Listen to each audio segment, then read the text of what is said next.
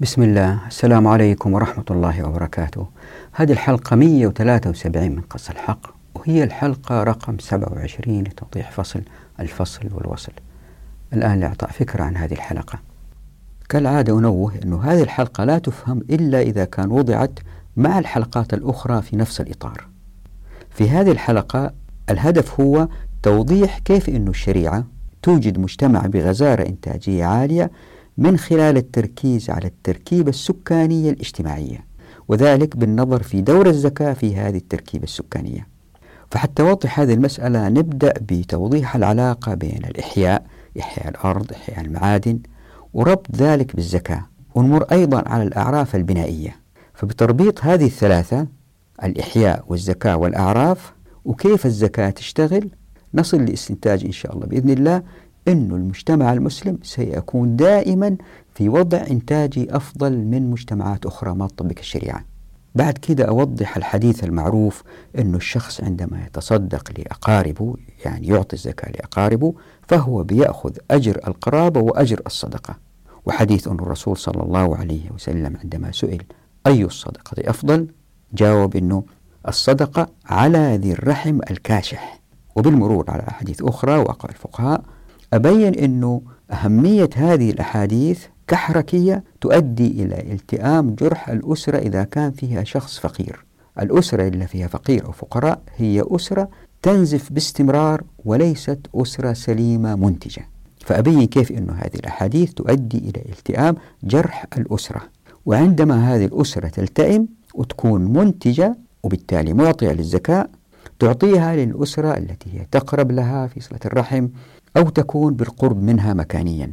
فبالتالي أبين أنه في نوعين من الالتئام للجروح. النوع الذي أتت به الشريعة وهو الذي يبدأ من الأسرة ثم الأسرة الأكبر ثم فخذ القبيلة ثم القبيلة إذا كان التركيب قبلي أو إذا كان التركيب مهني يبدأ من أسرة ثم الأسرة المجاورة في نفس المهنة وبالتدريج إلى حي أو قرية ثم المدينة.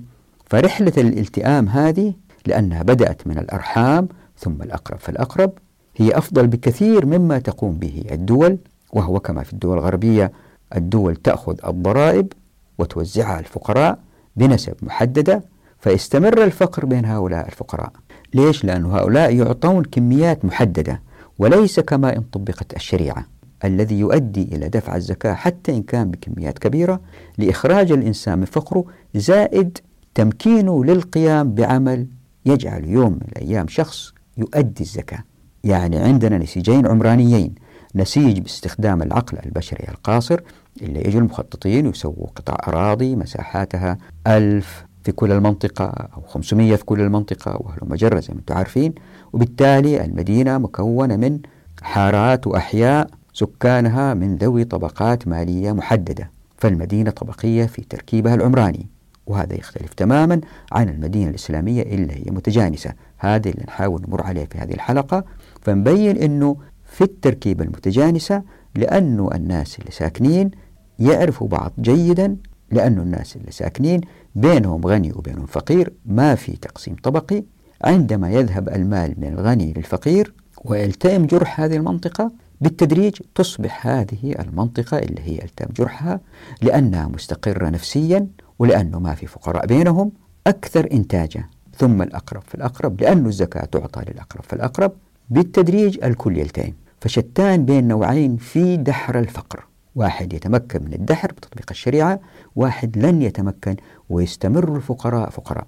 فأتحدث عن كيف أنه الأمة كالجسد الواحد وأشرح هذه المسألة. فأبين حديث أنه سبق درهم مائة ألف الذي تحدثنا عنه في حلقة ماضية. كيف أنه هذا الحديث الآن نفهم إذا فهمنا العلاقة بين الزكاة والإحياء والأعراف في إيجاد مجتمعات متجانسة. لأن الفقير الذي أخذ الزكاة وخرج من الفقر عندما يدفع زكاته لفقير آخر سيجتهد في إيجاد هذا الفقير الذي يستحق لأن التركيبة الذهنية لكل المجتمع هي إيجاد أمة عزيزة وبالتالي يجب أن لا يكون في هذه الأمة أي إنسان فقير. فأشرح هذه المسألة والتي يستحيل شرحها الآن هنا وأقارن هذا الوضع بقيام الدول بالضمان الاجتماعي أو ما يمكن أن يحدث إذا الدول المعاصرة مثلا أخذ أموال الزكاة من الناس وأعادت توزيعها على المستحقين. طبعا هنا يظهر سؤال عن دور العاملين عليها فأبين هذه المسألة. بعد كده أجيب على السؤال ما مقدار ما يمكن دفعه للفقير أو المسكين من الزكاة؟ فمن خلال أحاديث وعدة آثار أبين أنه ما يمكن دفعه له هو المال اللي يخليه يقدر يعيش ياكل يشرب يلبس.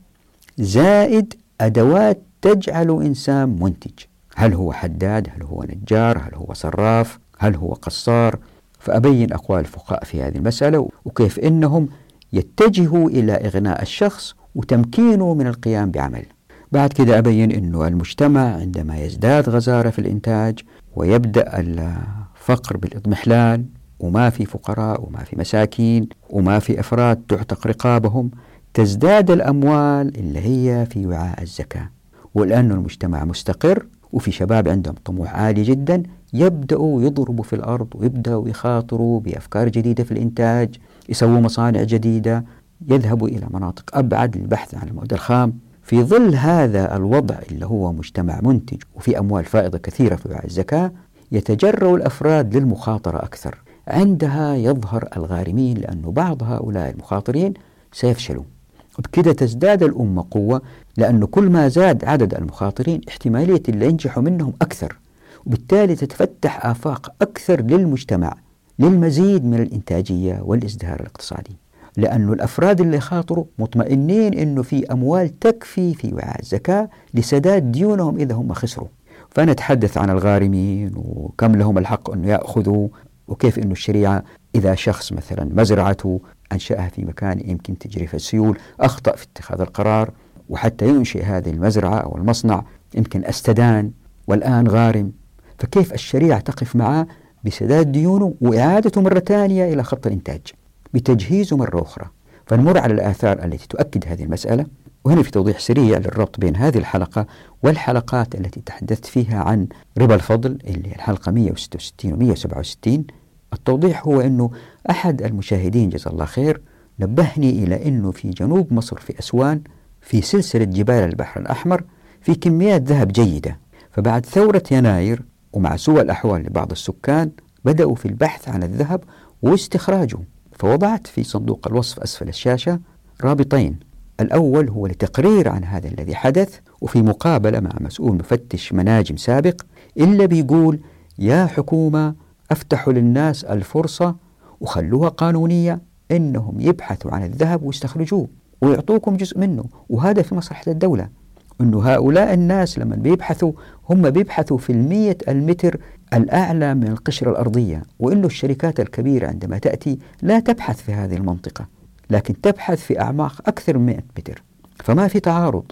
ويبين الفيديو كيف أن الناس بيشتغلوا من قلب وبأدوات بدائية جدا. هؤلاء الناس عندما يثروا بعض الشيء ويتمكنوا بعض الشيء يجيبوا معدات شوية أكبر ويتقدموا بالتدريج ألين يصيروا متقدمين جدا في استخراج الذهب.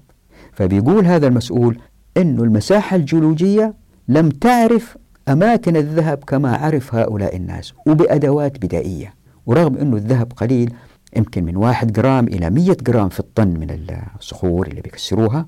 مع ذلك الناس تشتغل وتكسب وتوجد ذهب.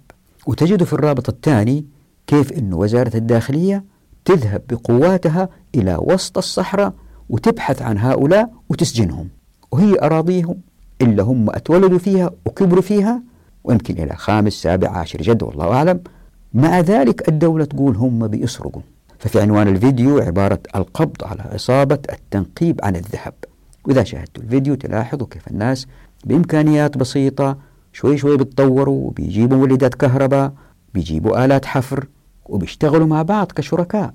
تخيلوا هؤلاء أتيحت لهم الفرصة أنهم يستمروا وعندما يجمعوا بعض المال يشتروا معدات أفضل وأدوات أفضل ويديروا أنفسهم بأنفسهم والمنطقة كلها تنتعش ويدفعوا زكاتهم لآخرين الأقرب في الأقرب وهذا مثال واحد في البحث عن الذهب. إذا وضعت إليها حقية الناس في الاصطياد للأسماك من البحار. إذا أضفت إليها حقيتهم في قص الصخور في إحياء الأراضي في الوصول لكل أنواع الخيرات في الكرة الأرضية ولإنشاء المصانع والمزارع من غير موافقة دولة لكن من خلال حديث الضرر والضرار إذا ربطنا كل هذه المسائل مع بعض في مجتمع ما في بيروقراطية تشوفوا كيف أخلاق الناس تسمو. في التقرير الأولاني تلاحظ أن المذيع بيقول هذول ما هم حرامية هذول ناس كرمة يبغوا يأكلونا ويشربونا ويستضيفونا لكن الدول تحولهم إلى عصابات وهذا ما نحتاجه في مجتمعاتنا إحداث الوعي بين أفراد الأمة وبالتأكيد في مقدمتهم علماء السلاطين. والآن إلى التوضيح. الآن خلينا نربط اللي مر فينا في فصل الأموال عن الزكاة. واللي تحدثنا عنه في الحلقة الأولى عن إحياء الأرض. ومسائل إحياء الأرض موضحة في كتاب عمارة الأرض في الإسلام. خلينا نربط هذول مع بعض. إذا لاحظت أنه في فصل الأموال بينت أنه لأنه الناس واعين لمسائل الزكاة ولأنها مسألة بيخرجوها بأنفسهم إذا رأوا ذلك. وما في فقيه قال إنه إذا خرج الزكاة بنفسه لشخص يعني مزكي لشخص يعرفه فهي تجزئ مو شرط إدفاع للسلطان إذا جمعنا جميع هذه الأفكار على بعض وربطناها بمسائل إحياء الأرض. لأنه مع إحياء الأرض تتذكروا قلنا أنه الأرض تقريبا تكون قيمتها صفرية إلا إذا كانت الأرض في موقع استراتيجي يميز وحتى هذه زي ما وضحت في حلقات أولى أهميتها تقل فاللي بيصير أنه المدينة الإسلامية إن ظهرت مع تطبيق الشريعة وإن شاء الله ستظهر اللي بيصير أنه الناس يسكنوا جنب بعض من غير تفريق طبقي. الآن في حياتنا المعاصرة لأنه ما في إحياء أرض ولأنه الأرض محتكرة وأصبحت سلعة اللي صار أنه التخطيط في أذهان المخططين متخذي القرارات ذهب إلى إيجاد أحياء هذه منطقة مقاسات الأراضي فيها ألف متر لقطعة. هذه منطقة 400 هذه منطقة 100 فاللي صار أنه يجي شخص ثري ويشتري بلوك كامل ستة قطع أو ثمانية قطع من ألف هذه ثمانية ألاف حتى ابني فيها قصر كبير. على طول سعر المنطقة ترتفع وبالتالي لن يستطيع أحد من الفقراء حتى من الاقتراب لهذه المنطقة لأنه أساسا الأراضي لا يجوز تقسيمها إلى الألف إلى ثلاثة أربع قطع أو خمسة قطع. هذا مستحيل. فالأنظمة تساعد على ظهور الطبقية وبالتالي ظهرت الأحياء موزعة حسب الدخل. هذه منطقة أثرياء هذه منطقة وسط هذه منطقة فقراء. في هذه الحالة لن يعرف الغني حال الفقير لأنه مو عايش معه. لكن مع تطبيق الشريعة وإذا لاحظتوا في المدن الإسلامية كلها قبل الحداثة العقارات متقاربة في مساحاتها. يمكن عقار قد الثاني مرتين ثلاث مرات أربع مرات وهذا نادر.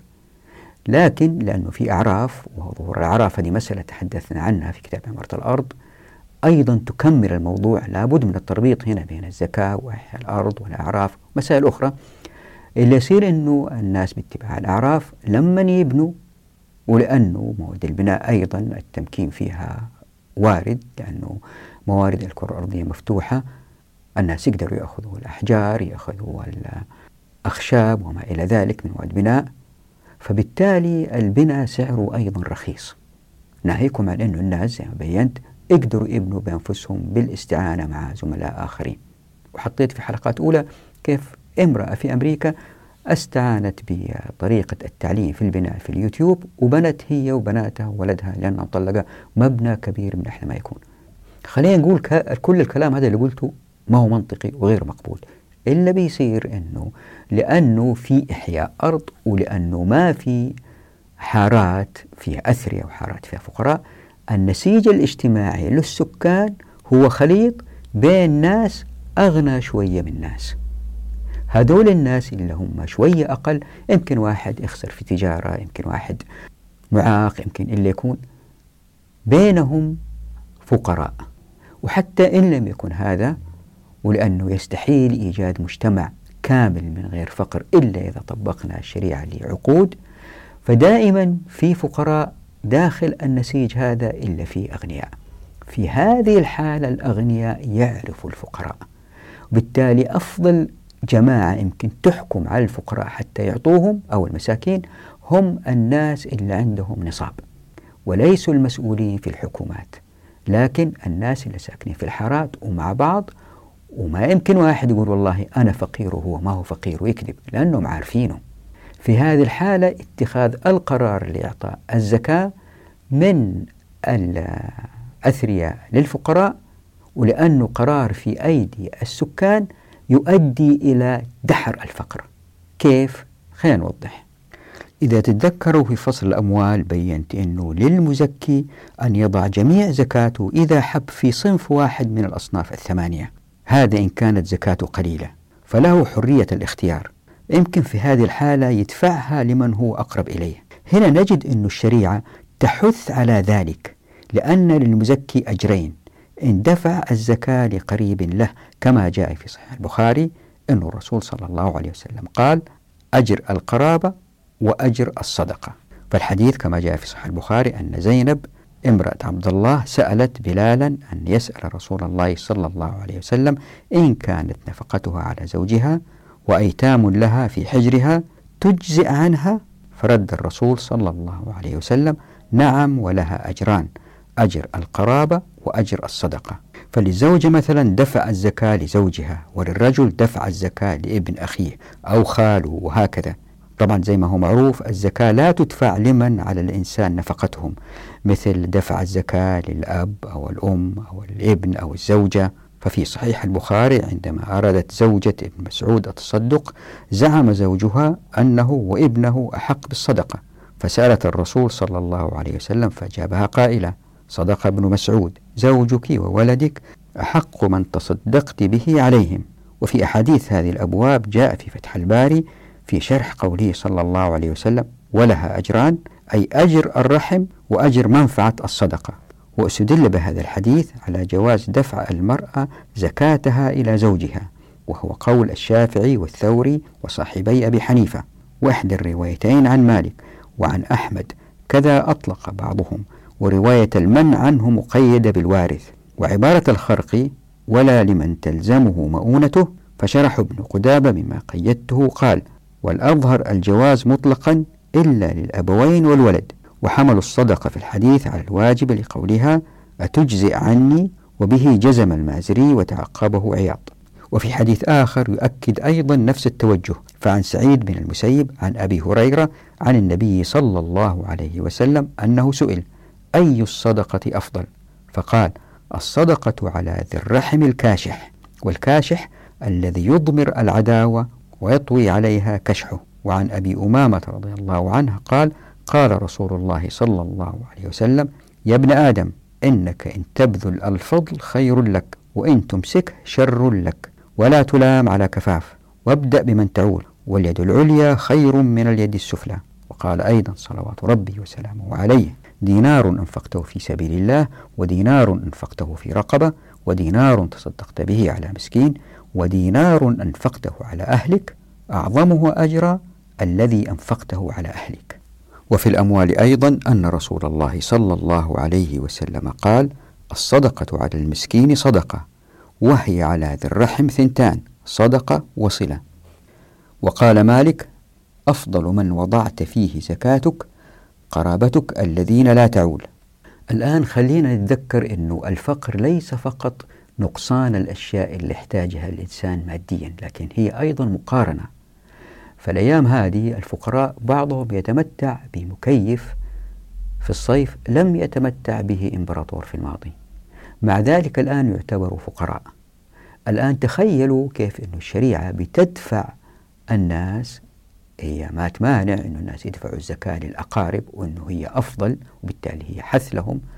هذا يؤدي إلى التئام الجرح داخل الأسرة الصغيرة. أتذكروا في فصل ابن السبيل والأموال تحدثنا على أنه الزكاة عندما تخرج للأقرب فالأقرب فالمناطق الأبعد لا تأخذ الزكاة ألين المناطق الأقرب تأخذ الزكاة حتى يلتئم جرح تلك المنطقة والناس اللي فيها يصيروا بعد التئام الجرح يصيروا ناس دافعين للزكاة فهذه المنطقة اللي فيها زكاة ودفعت الزكاة للأقرب تأمن حالها لأن المستوطنات اللي حولها بدأت تغتني وبدأت تدفع زكاة وبالتالي ينتشر الخير من منطقة لأخرى ويندحر الفقر ويبتعد لأنه في منطقة بتدفع زكاة للأقرب والأقرب. نفس الفكرة تنطبق الآن على الأسر. فهذه الأحاديث التي تحث على دفع الزكاة لمن هو أقرب وداخل الأسرة ولأنه هذا الشخص إلا داخل الأسرة. يرى الغني ويمكن هو عنده احتياجات اللي تكفيه لكنه ما هو زي الغني هو يريد أيضا الحصول على ما يكفيه حتى نفسيا يلتئم. وعندما يلتئم نفسيا هذه الأسرة الصغيرة تكون التأمت. وبالتالي عندما يلتئم الجميع الجميع يصبح بعد كم سنة دافع للزكاة بدال ما تكون مقسومة ناس بيدفعوا ناس بيأخذوا بعد فترة الكل يلتئم ويصير الكل دافع للزكاة شفتوا كيف الإسلام؟ اللي صار مع الحداثة ومع تسلط الدول والحكومات أخذت الأموال وبدأت هي توظف وظهرت الشركات الاحتكارية اللي صار أنه المجتمع بدأ يتفتت إلى طبقات ليس فقط ماليا لكن أيضا إلى جماعات من مهارات محددة. نجد مثلا في منطقة يسكن المهندسين لوحدهم في منطقة ثانية مدينة طبية يسكن الأطباء لوحدهم في منطقة ثالثة الصناعية مثلا يسكن الصناعيين مع بعض حول بعض. بدأ النسيج الاجتماعي للمجتمع يتقسم بناء على تقسيم مالي تقسيم مهني أحيانا الاثنين مع بعض نجد منطقة صناعية مثلا الناس اللي يشتغلوا في المصانع ساكنين فيها نجد كبار المسؤولين في جهة والصغار في جهة. في مدن عسكرية مثلا يبنوها يضعوا الضباط الكبار في منطقة معينة الضباط الأقل في منطقة أخرى الجنود بعيدين على جنب شوية. فالنسيج الاجتماعي يؤدي إلى ظهور الغل والحقد بين الأفراد بينما مع تطبيق الشريعة ومن خلال إحياء الأرض. ولأنه إذا واحد وضعه المالي شوية جيد وأحيا أرض يجوا ناس أقل حالا يروحوا يحيوا جنبه وما حد يقدر وما حد يقدر يمنعهم إلا بيصير إنه النسيج يكون نوعا ما بتخصصات مختلفة يمكن بدخل بتفاوت بسيط بين الناس فتظهر تركيبة مختلفة تماما عن الموجودة في عالمنا الحالي. طبعا هذا لا يمنع أنه مثلا مجموعة أفراد تمكنوا إن طبقنا الشريعة وحاولوا يسكنوا جنب بعض لأنهم كلهم متخصصين في تطبيقات الحاسب الآلي مثلا فلا يمنع ظهور وادي مثل وادي السيليكون. لكن ما في فقراء في جميع الأحوال؟ كيف؟ تذكروا حديث الرسول صلى الله عليه وسلم أن الأمة كالجسد الواحد؟ هي كذلك. خلينا نتخيل أن الأمة مكونة من جسد في أعضاء. في رأس في أيادي في رجول. الرأس فيه أيضا أجزاء اللي هي العيون أنف فم والعين برضو في أجزاء القرنية وما إلى ذلك. فالأمة أيضا كذلك مكونة من مستوطنات كبيرة يمكن تكون مدن يمكن تكون قرى كبيرة وهذه كل واحدة مكونة من أحياء وكل حي مكون من حارات وكل حارة مكونة من بيوت وكل بيت مكون من أفراد قرائب مع بعض عائلة ممتدة extended family ساكنين مع بعض أو حتى عوائل آه، نواة nuclear family هذه التركيبة عندما يكون دفع الزكاة فيها للأقرب فالأقرب من الأقارب مو الشخص اللي لازم يعولهم زي ما وضحنا اللي يصير أن الأسرة الصغيرة هذه تلتئم زي ما بينت. عندما تلتئم هذه الأسرة وجميع أفرادها يبدأوا يشتغلوا ويصيروا دافعين للزكاة إلا بيصير أنه هي ونفس الشيء حادث في الأسرة اللي جانبها الاثنين بيؤمنوا بعض وبيستقروا نفسيا.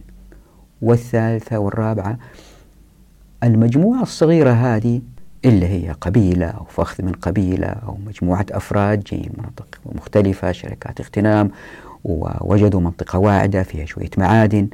وسكنوا فيها مع بعض وهم من جنسيات مختلفة اللي بيصير إنه هذه الجماعة اللي هم ساكنين جنب بعض آمنين بعض ومستقرين. هذا الاستقرار وهذه الراحة النفسية تخليهم أكثر عطاء ولما يكونوا أكثر عطاء لأنهم مستقرين تزداد زكاتهم وبالتالي يدفعوا اللي حولهم. وبكده هذه المنطقة اللي التأمت أيضا المناطق الأخرى بدأت تلتئم فالمناطق الأقرب والأقرب لبعضهم يلتئموا تماما ويصير مجتمع منتج جدا من غير مشاكل لأنه نفسيا مرتاحين والموارد موجودة عندهم وشغالين وينتجوا أحيانا يظهر منهم فقراء يظهر منهم واحد ما يحب الشغل اللي هم شغالين فيها مثلا هم شغالين في الزراعة هو ما يحب الزراعة. هذا ينتقل إذا تتذكروا في فصل ابن السبيل تحدثنا عن أنه زكاة أعيان وليست أثمان. فيذهب لمنطقة إذا كان هو يحب مثلا تقطيع الصخور منطقة فيها مصانع رخام جلي رخام يصنع رخام بنوعية عالية يصدرها المناطق بعيدة يذهب للعمل هنالك. وإذا هو مزاجه مثلا صناعة ألبان تطوير أجبان يحب الجبن وأنواعه روكفور وغيره وغيره. متذوق لهذه الأشياء يحب هذه الأشياء ويحب يصنعها يذهب إلى مناطق فيها مراعي فيها ألبان فيها مصانع لمنتجات الألبان فيجد من الزكاة ما يشد إلى تلك المنطقة لأنها أعيان. وبالتدريج تلتئم جميع الأمة. لا ننسى هنا مسألة مهمة جدا ألا وهي أنه إذا الشخص كان فقير وخرج بالزكاة من الفقر وبدأ يشتغل وجاي يدفع الآن زكاة والأول مرة بيدفع زكاة راح يكون حريص جدا على اختيار الناس اللي يعطيهم الزكاة. لأنه يريد أحبابه واللي من حوله يخرجوا من الفقر لأنه الموارد مفتوحة أمام جميع الناس يقدروا يأخذوا من الخيرات يحيوا أرض اللي يكون. وهذه مسألة مهمة جدا ما ننساها دائما. بشوية تمكين بشوية زكاة من هذا اللي هو الآن خارج من الفقر وفرحان والأول مرة في حياته بيدفع زكاة. فتخيلوا هذا الوضع كيف أنه يجتهد في إيجاد الشخص اللي يحتاج الزكاة حتى هو أيضا يخرج من الفقر. لأنه ذهنية الأمة كلها ليست ذهنية أنا غني أشوف حالي عليك لأنك كنت فقير. لا الذهنية هي ذهنة أمة عزيزة. هذه الأمة العزيزة لن تصبح عزيزة لأنه في ذهنيتهم جميعا أنه جميع أفراد الأمة أعزاء وبالتالي جميع أفراد الأمة يجب أن لا يكونوا فقراء. الآن نفهم حديث الرسول صلى الله عليه وسلم سبق درهم مائة ألف. شفتوا هذا الحديث كيف عظيم؟ شفتوا كيف الإسلام معجز؟ لكن إحنا ما بنربط هذه المسائل كلها مع بعض حتى نرى عظم الشريعة.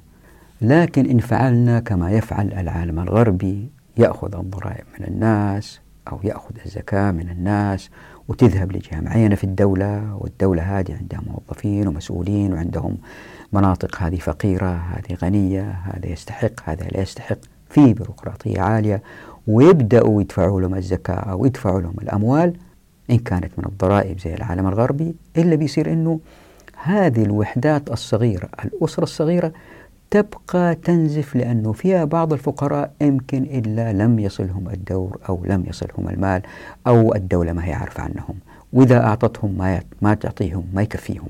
إلا بيصير أنه تبقى هذه الأسرة الصغيرة أو الأحياء الصغيرة تنزف باستمرار وبالتالي إنتاج هذه الوحدة يقل.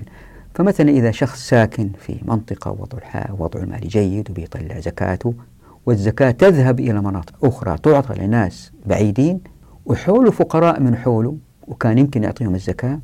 وضعه الاجتماعي لن يكون مستقر لأنه هو عايش بين فقراء من حوله. وهؤلاء الفقراء يمكن مع الزمن لأنه بيقارنوا حالهم في يظهر غل في نفوسهم وبالتالي هو ما هو مستقر ما هو مستمتع بحياته ما هو مستمتع بإنتاجه. فإنتاجه يقل. فتستمر الأمة ممزقة جيل بعد جيل. والناس الأفقر جدا هم الذين يأتيهم المال حتى يسدوا جوعهم. وليس كما إن طبقنا الشريعة الناس يعطوا الناس اللي حولهم ويستقروا. هنا تأتي أهمية العاملين على الزكاة بعد ما تستقر هذه المناطق ويذهب عنها الفقر. وهي الآن لأنه ما فيها مشاكل ما فيها إجرام ما فيها دعارة الكل مستقر الكل إنتج.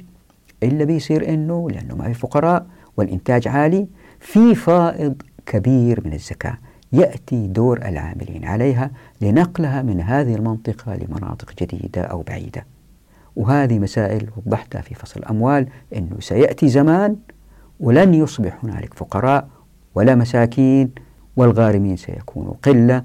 الذي يبقى هو ابن السبيل والعاملين عليها والمؤلف قلوبهم. الآن في سؤال مهم خلينا نجاوب عليه. ما مقدار ما يمكن دفعه للفقير من الزكاة؟ في اختلافات طفيفة بين أقوال الفقهاء حول القدر الذي يأخذ الفقير أو المسكين من الزكاة لكن معظمهم زي ما لخص سيد سابق يذهب إلى أن للفقير أخذ قدر النصاب الزايد عن الحاجة الأصلية له ولأولاده من أكل وشرب وملبس ومسكن ودابة وآلة حرفة. ونحو ذلك مما لا غنى عنه. فكل من عدم هذا القدر فهو فقير يستحق الزكاة. يعني عندنا مبدأ مهم في الشريعة يعين الناس على إعانة القريب للخروج من فقره بتمكينه وهو دفع ما يكفي الفقير لخروجه من فقره بدفع ما يكفيه لمعاشه وتوفير آلة له تعينه في عمله. فكل إنسان فقير يحتاج ما يعينه حتى يأكل ويشرب زائد ما يعينه على الكسب مستقبلا. يمكن يأخذ من أموال الزكاة ما يعينه على الحصول على شهادة في دورة علمية مثلا أو اشتري جهاز بهذا الجهاز اشتغل واصنع أشياء مثلا في جهاز باع لتغليف السكر من أكياس كبيرة إلى أكياس ورقية صغيرة جدا إلا هي منتشرة في المطاعم. اشتروا هذا الجهاز واجلس جنبه واشتغل فيه ويبدأ يكسب. أو اشتري آلة حفر أو اشتري آلة تقطيع صخور أو اشتري منشار يقطع الخشب من الغابات. طبعا بعضكم يقول لا الدنيا تصير فوضى إذا كل واحد يقطع على كيفه. هذه مسائل ناقشناها في حلقات ماضية. بالعكس اللي يصير أنه كل ما الناس تمكنوا كل ما ابتعدنا عن التلويث أكثر لعدم ظهور الثراء الفاحش عند هؤلاء اللي رايحين يشغلوا الآخرين في مصانع بعيدة تلوث ولساعات أطول فيزداد الإنتاج مع التلويث. خلينا نعود للموضوع ما الحد الذي يأخذه الفقير؟ وخلينا ننظر المسألة ببعض التفصيل. لقد كره بعض الفقهاء أن يعطى الفقير أكثر من حد الغنى. فقد كان سفيان يكره أن يعطى الرجل أكثر من خمسين درهما لأنه حد الغنى عنده. وكان يرى أيضا أنه لا يعطاها من يملك خمسين درهما. طبعا في توضيح هنا إلا إذا كان هذا الشخص غارم ومديون بأكثر من خمسين درهم. عندها يعطاها. لكن سائر أهل العراق غير سفيان ذهبوا نفس المذهب ولكن بجعل المبلغ 200 درهم. وقالوا لا يعطى منها الواحد أكثر من 200 كما لا تحل له إذا كانت له 200 أما مالك فلم يكن عنده في هذا حد معلوم وكان يقول أرى على المعطي في ذلك الاجتهاد وحسن النظر. ويوضح محقق كتاب الأموال قائلا وهذا هو الصحيح فإن أحوال الناس تختلف في الكفاية تبعا لمنازلهم في المجتمع. ويقول أبو عبيد مستنتجا بعد ذكر عدة آثار عن صدقة النافلة فإذا استوى أمر الصدقة في الفرض والنافلة في مخرجهما فكذلك يجوز إعطاء الكثير من الزكاة كما يجوز إعطاؤه من التطوع.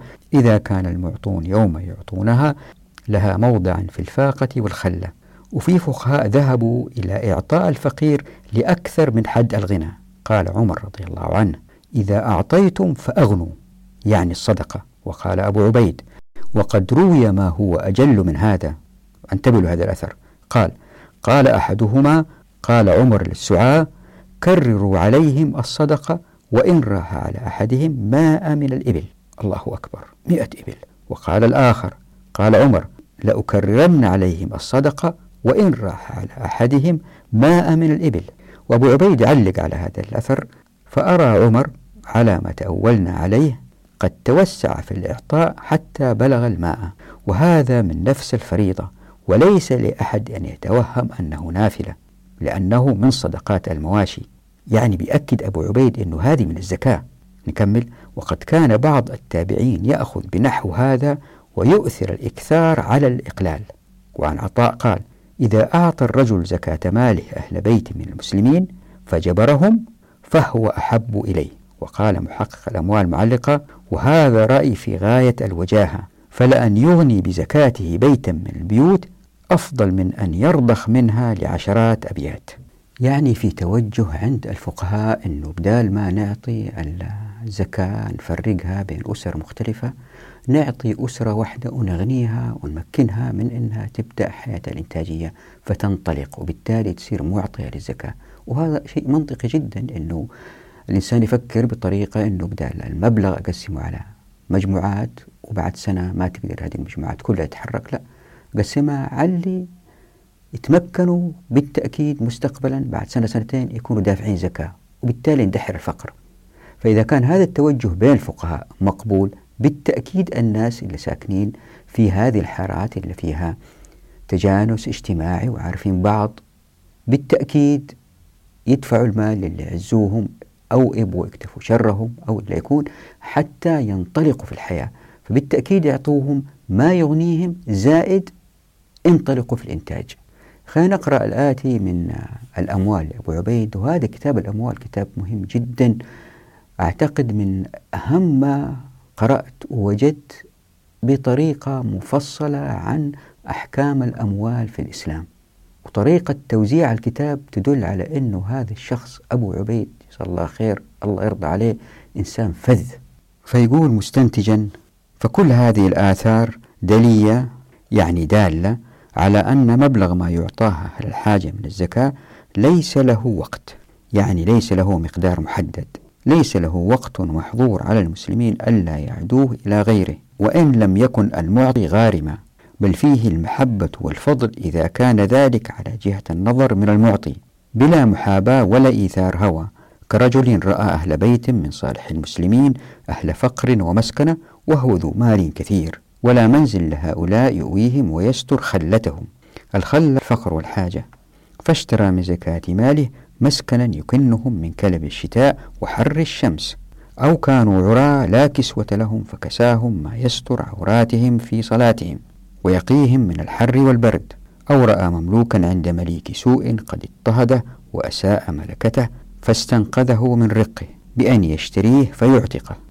أو مر به ابن سبيل بعيد الشقة نائي الدار قد انقطع به فحمله إلى وطنه وأهله بكراء أو شراء.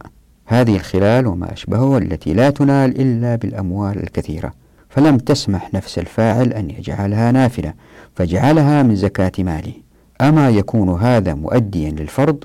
بلى ثم يكون إن شاء الله محسنا. ويقول أبو عبيد معللا ومنتقدا من يفتي بغير هذا ويرى أن صدقة التطوع هي التي يجوز فيها فقط دفع الكثير وإني لخائف على من صد مثله عن فعله لأنه لا يجود بالتطوع وهذا يمنعه بفتياه من الفريضة فتضيع الحقوق ويعطب أهلها. يعني بيقول أن هؤلاء الناس المحتاجين إذا لم يأخذوا من الزكاة يمكن بهذه الفتوى ما راح يأخذوا أبدا لأنه المتطوعين ما راح يجودوا بأموالهم من باب الصدقة اللي هي من غير الزكاة. فيبقوا الناس في الفقر لأنهم لا أخذوا من التطوع الناس ما بيعطوهم ولا أنهم أخذوا من الزكاة. شوفوا الفقه كيف. ويقول النووي رحمه الله في هذا فإذا كان من عادته الاحتراف أعطي ما يشتري به حرفته أو آلات حرفته قلت قيمة ذلك أو كثرت ويكون قدره بحيث يحصل له من ربحه ما يفي بكفايته غالبا تقريبا ويختلف ذلك باختلاف الحرف والبلاد والأزمان والأشخاص.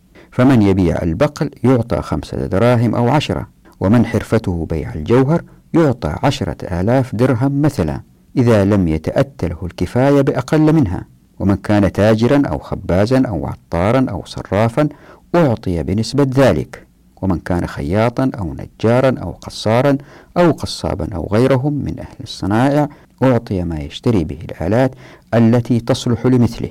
وإن كان من أهل الضياع يعني المزارع يعطى ما يشتري به ضيعة أو حصة في ضيعة تكفيه غلته على الدوام. ويقول عبد السميع المصري أثابه الله مستنتجا من الماوردي رحمه الله والذي يعنينا هو فهم الماوردي للنص الكريم. إذ ليس المراد إسعاف الفقير والمسكين بضرورات الطعام والشراب بل المراد رعايتهم باعتبارهم قوى منتجة مثمرة في التجارة والصناعة والزراعة ونحوها فيمدون بالأموال الكافية ليخرجوا من اسم الفقير والمسكين حتى يصيروا في مستوى القدرة على استئناف نشاطهم. فتأملوا كيف الشريعة أعطت الفرصة للناس اللي عندهم فائض مالي أنهم يعطوها لأسر بالكامل حتى تنهض أو يعطوها لأفراد حتى ينهضوا. يعني ياكلوا ويشربوا وعندهم فائض حتى يتمكنوا من القيام بعمل منتج هم عندهم فيه خبرة. وبكده عندما تنتشل هذه الأسرة أو هذا الفرد من الفقر وبالتالي بالتدريج الحي ينتشل أو الفخذ من القبيلة ينتشل ثم القبيلة أو ثم القرية وبالتدريج حتى الأمة كلها تنهض. الآن إحنا بنفكر في وضع في فقراء بكثرة وبالتالي أموال الصدقات الزكاة توزع عليهم وحسب بعض الأقوال ويفضل الوضع مستمر من غير نهوض. لكن إن طبقنا الشريعة وأبواب التمكين مفتوحة في الموارد والموافقة المعرفة وينطلق الناس ويقل الفقر اللي يصير شيء آخر والله أعلم. إيش اللي يصير؟ أنه في شركات اغتنام منتشرة في أذهان الشباب ولأنهم بيضربوا في الأرض ويوجدوا خيرات جديدة في مناطق جديدة من مواقع عميقة في الأرض أو يخاطروا بإيجاد مصنع أو مزرعة ويمكن فكرتهم تفشل ما تمشي. يعني لأنه الناس مطمئنين أنهم إذا فلسوا المجتمع راح يساعدهم وفي احتمال أنهم يخسروا في أعمالهم مع تطبيق الشريعة والمخاطرة أكثر وأكثر. يظهروا بعض الغارمين اللي هم خاطروا وخسروا. عندها نتوقع من الناس المحيطين بهؤلاء اللي هم خاطروا أنهم يدعموهم بتغطية خسارتهم إلا خاطروا فيها.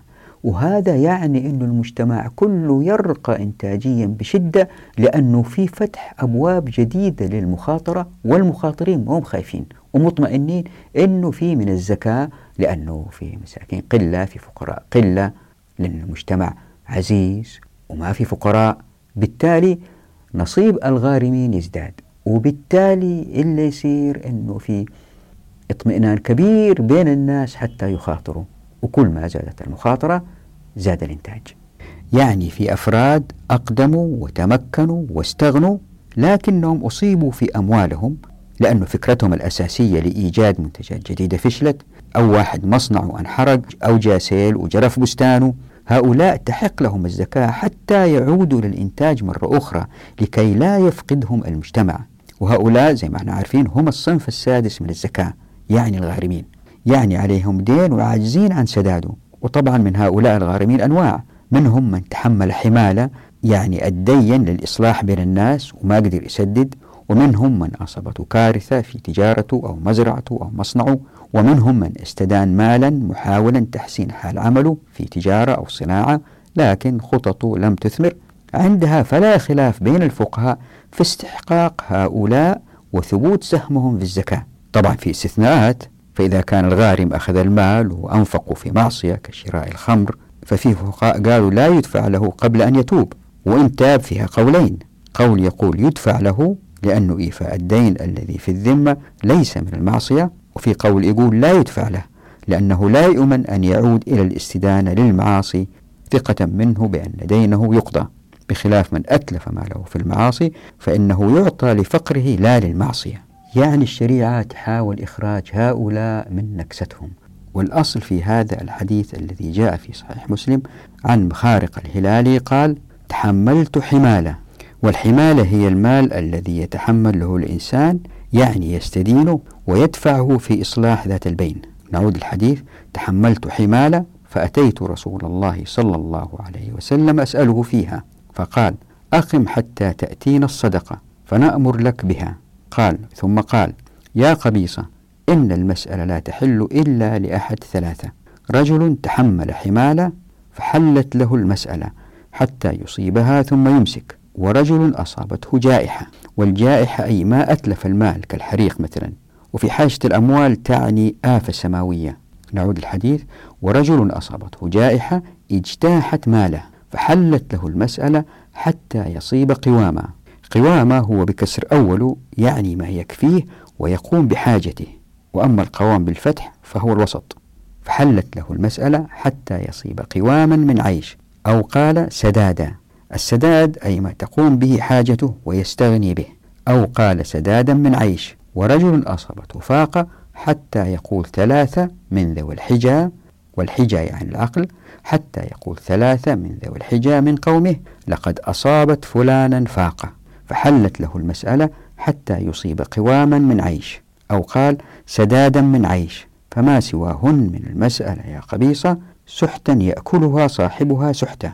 ويقول القرطبي مستنتجا من هذا الحديث ويجوز للمتحمل في صلاح وبر أن يعطى من الصدقة ما يؤدي ما تحمل به إذا وجب عليه وإن كان غنيا. إذا كان ذلك يجحف بماله كالغريم وهو قول الشافعي وأصحابه. وأحمد بن حنبل وغيرهم.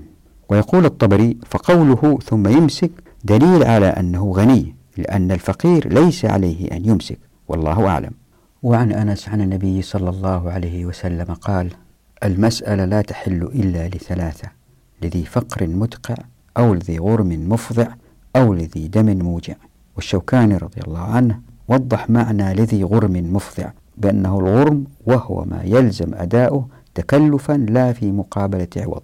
والمفضع هو الشديد الشنيع الذي جاوز الحد ولذي دم موجع هو الذي يتحمل دية عن قريبه أو حبيبه أو نسيب القاتل يدفعها إلى أولياء المقتول وإن لم يدفعها قتل قريبه أو حميمه الذي يتوجع لقتله وإراقة دمه. شايفين كيف الإسلام يهب لنجدة شخص حتى ما ينكسر؟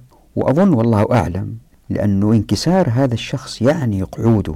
وهذا يعني فقدان هذا الإنسان في الإنتاج وبالتالي يصير عالة على المجتمع مش فقط يخسروا إنتاجه يصير عالة أيضا. ولما يصير عالة ويصير فقير في احتمال ينحرف ويكلف المجتمع في إصلاحه في حماية الناس منه في سجنه وما إلى ذلك. لذلك هبت الشريعة نجدته لأنه بقعوده سيكون أكثر وبال وتكلفة على المجتمع. وهذا الذي يحدث الآن في الدول العلمانية.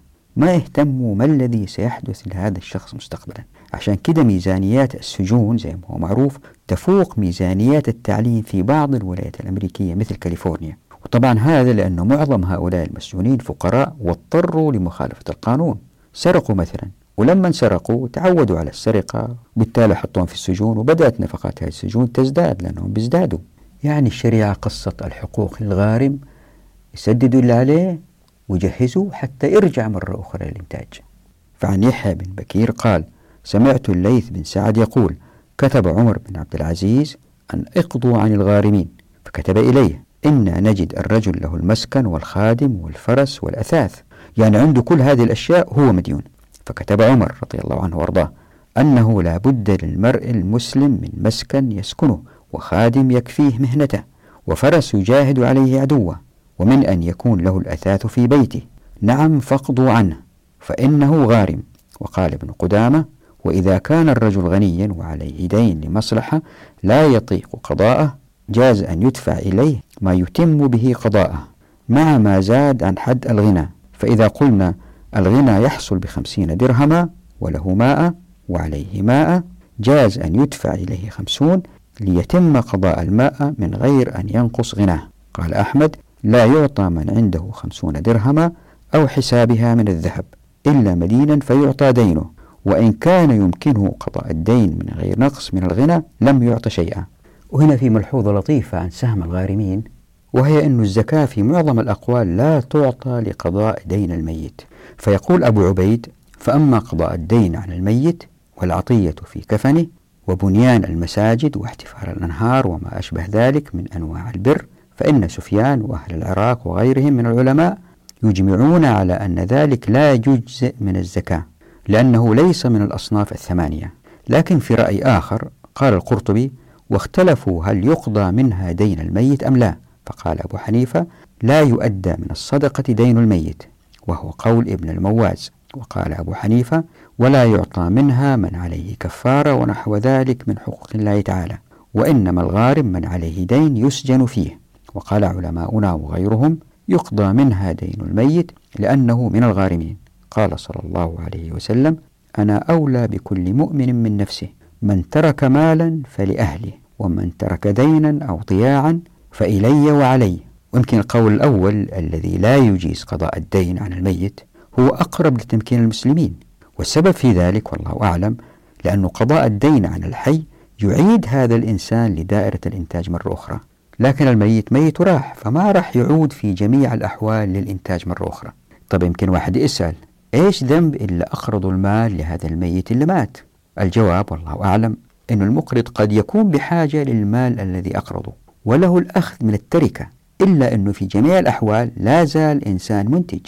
نعم هو أقرض هذاك اللي مات فبرغم أنه أقرض هذاك هو لا زال إنسان منتج. فإذا لم يكن لكان فقيرا. وعندها فله الأخذ من سهم الفقراء. فتأملوا قول أبو عبيد رضي الله عنه وارضاه يقول وإنما افترق الحي والميت أن يكون الميت غارما لأن الدين الذي أدانه قد تحول على غيره وهو الوارث. فإن كان على الميت وفاء بدينه كان في ميراثه وكان ذلك عليه دون الصدقة. وإن لم يكن له مال فليس على وارثه شيء وليس بغارم لأنه هو الذي أدان هذا الدين. وقد أجمعت العلماء ألا يعطى من الزكاة في دين ميت وأما الحي فإنه يعطاها بالكتاب والسنة. شفتوا كيف الشريعة حتى في هذه التفصيلة الدقيقة تدفع إلى التمكين حتى يزداد الإنتاج في الأمة. وفي ملخص جيد لتعزيز الإنتاج للدكتورة نعمة خلينا نقرأه جزاه الله خير. فتقول والغارم في مذهب الحنفية من عليه دين ولا يملك نصابا فاضلا عن دينه فلو كان للمستدين مال لو قضى منه دينه لنقص ماله عن كفايته. ترك له ما يكفيه وأعطي ما يقضي به الباقي. والمراد بالكفاية عند الشافعية كفاية العمر الغالب فيما يظهر. ثم إن فضل معه شيء صرفه في دينه وتمم له باقيه. وهذا يعني أن الغارم لا يجبر على تصفية استثماراته لسداد دينه. إن كانت هذه الاستثمارات تقوم بكفاية عمره فمن كانت له آلات حرفة فإنها لا تباع ليسد بها دينه. وفي هذا ضمان لاستمرارية الإنتاج وتشجيع لزيادة الطاقة الإنتاجية عن طريق مزيد من الاستثمارات الجديدة. وفي ذلك قال الإمام الباجي يجب أن يكون الغارم على هذا الوجه من تنجز حاله بأخذ الزكاة يتغير بتركها وذلك بأن يكون ممن له أصول يستغلها ويعتمد عليها فيركبه دينه يلجئه إلى بيعها. ويعلم أنه إذا باعها خرج عن حاله فهذا يؤدى دينه. ولفت النظر هنا إلى حالة يكون فيها المدين شخصا منتجا فركبه الدين فاضطر إلى أن يخرج من مجال الإنتاج ببيع أصوله الإنتاجية. وهنا تتدخل الزكاة من خلال سهم الغارمين لتبقي على تلك الطاقة الإنتاجية عاملة ولتباعد بينها وبين الضياع. وإذا تتذكروا في فصل الأموال تحدثنا أن الإسلام يكرم الناس. فالإسلام دين لا يخون المسلمين ولكن يكرمهم باحترام أقوالهم. فمن ادعى الفقر يقبل قوله دون حلفان. يقول ابن قدامة في الفقراء وإن كان الرجل صحيحا جلدا وذكر أنه لا كسب له أعطي منها وقبل قوله بغير يمين. إذا لم يعلم يقين كذبه. ولا يحلفه لأن النبي صلى الله عليه وسلم أعطى الرجلين اللذين سألاه ولم يحلفهما. انتهى كلامه. أما إن ادعى الرجل الفقر وهو معروف بالغنى فيقول ابن قدامة لم يقبل قوله إلا ببينة تشهد بأن ماله تلف أو نفد. لما روي أن النبي صلى الله عليه وسلم قال لا تحل المسألة إلا لثلاثة ومر فينا هذا الحديث. وفي هذا حكمة زي ما وضحنا. والسبب زي ما وضحت مرارا هو أن عدم الأخذ بقول الناس بالتأكيد سيؤدي إلى ظهور طبقة من الموظفين ولا تلقى عليهم مسؤولية تحري صدق الناس. وهذا زي ما قلت مرارا سيؤدي إلى ظهور جهاز حكومي بيروقراطي إداري وأعمال ورقية لن تنتهي. يقولوا هات أثبت أنك أنت فقير جيب أوراق مختومة جيب كذا جيب كذا. وكل هذه الأوراق يمكن التلاعب بها. يعني هذا الجهاز قد يكون بذرة للدولة بمفهومها الحديث وهذا راح يكلف الأمة أكثر من الأخذ بقول الناس دون يمين. وحتى إن كذب البعض وأخذوا من أموال الزكاة دون استحقاق. هذا الجهاز الإداري يكلف أكثر فتأملوا حكمة الشريعة. طبعا موضوع الزكاة لم ينتهي برغم أنه خصصت له فصل كامل اسمه الأموال وتحدثنا عنه في فصل الفصل والوصل سنتحدث عنه أيضا في فصل البركة مثل تعجيل الزكاة وما إلى ذلك. من مسائل أخرى إن شاء الله نفصلها في فصل البركة إن شاء الله بإذن الله.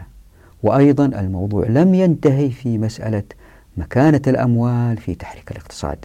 الحلقة القادمة إن شاء الله نتحدث عن الإنفاق وهذا الموضوع يمكن يأخذ حلقتين أو ثلاثة. هو أيضا موضوع طويل ومهم جدا في الاقتصاد في الإسلام. نراكم على خير في أمان الله ودعواتكم.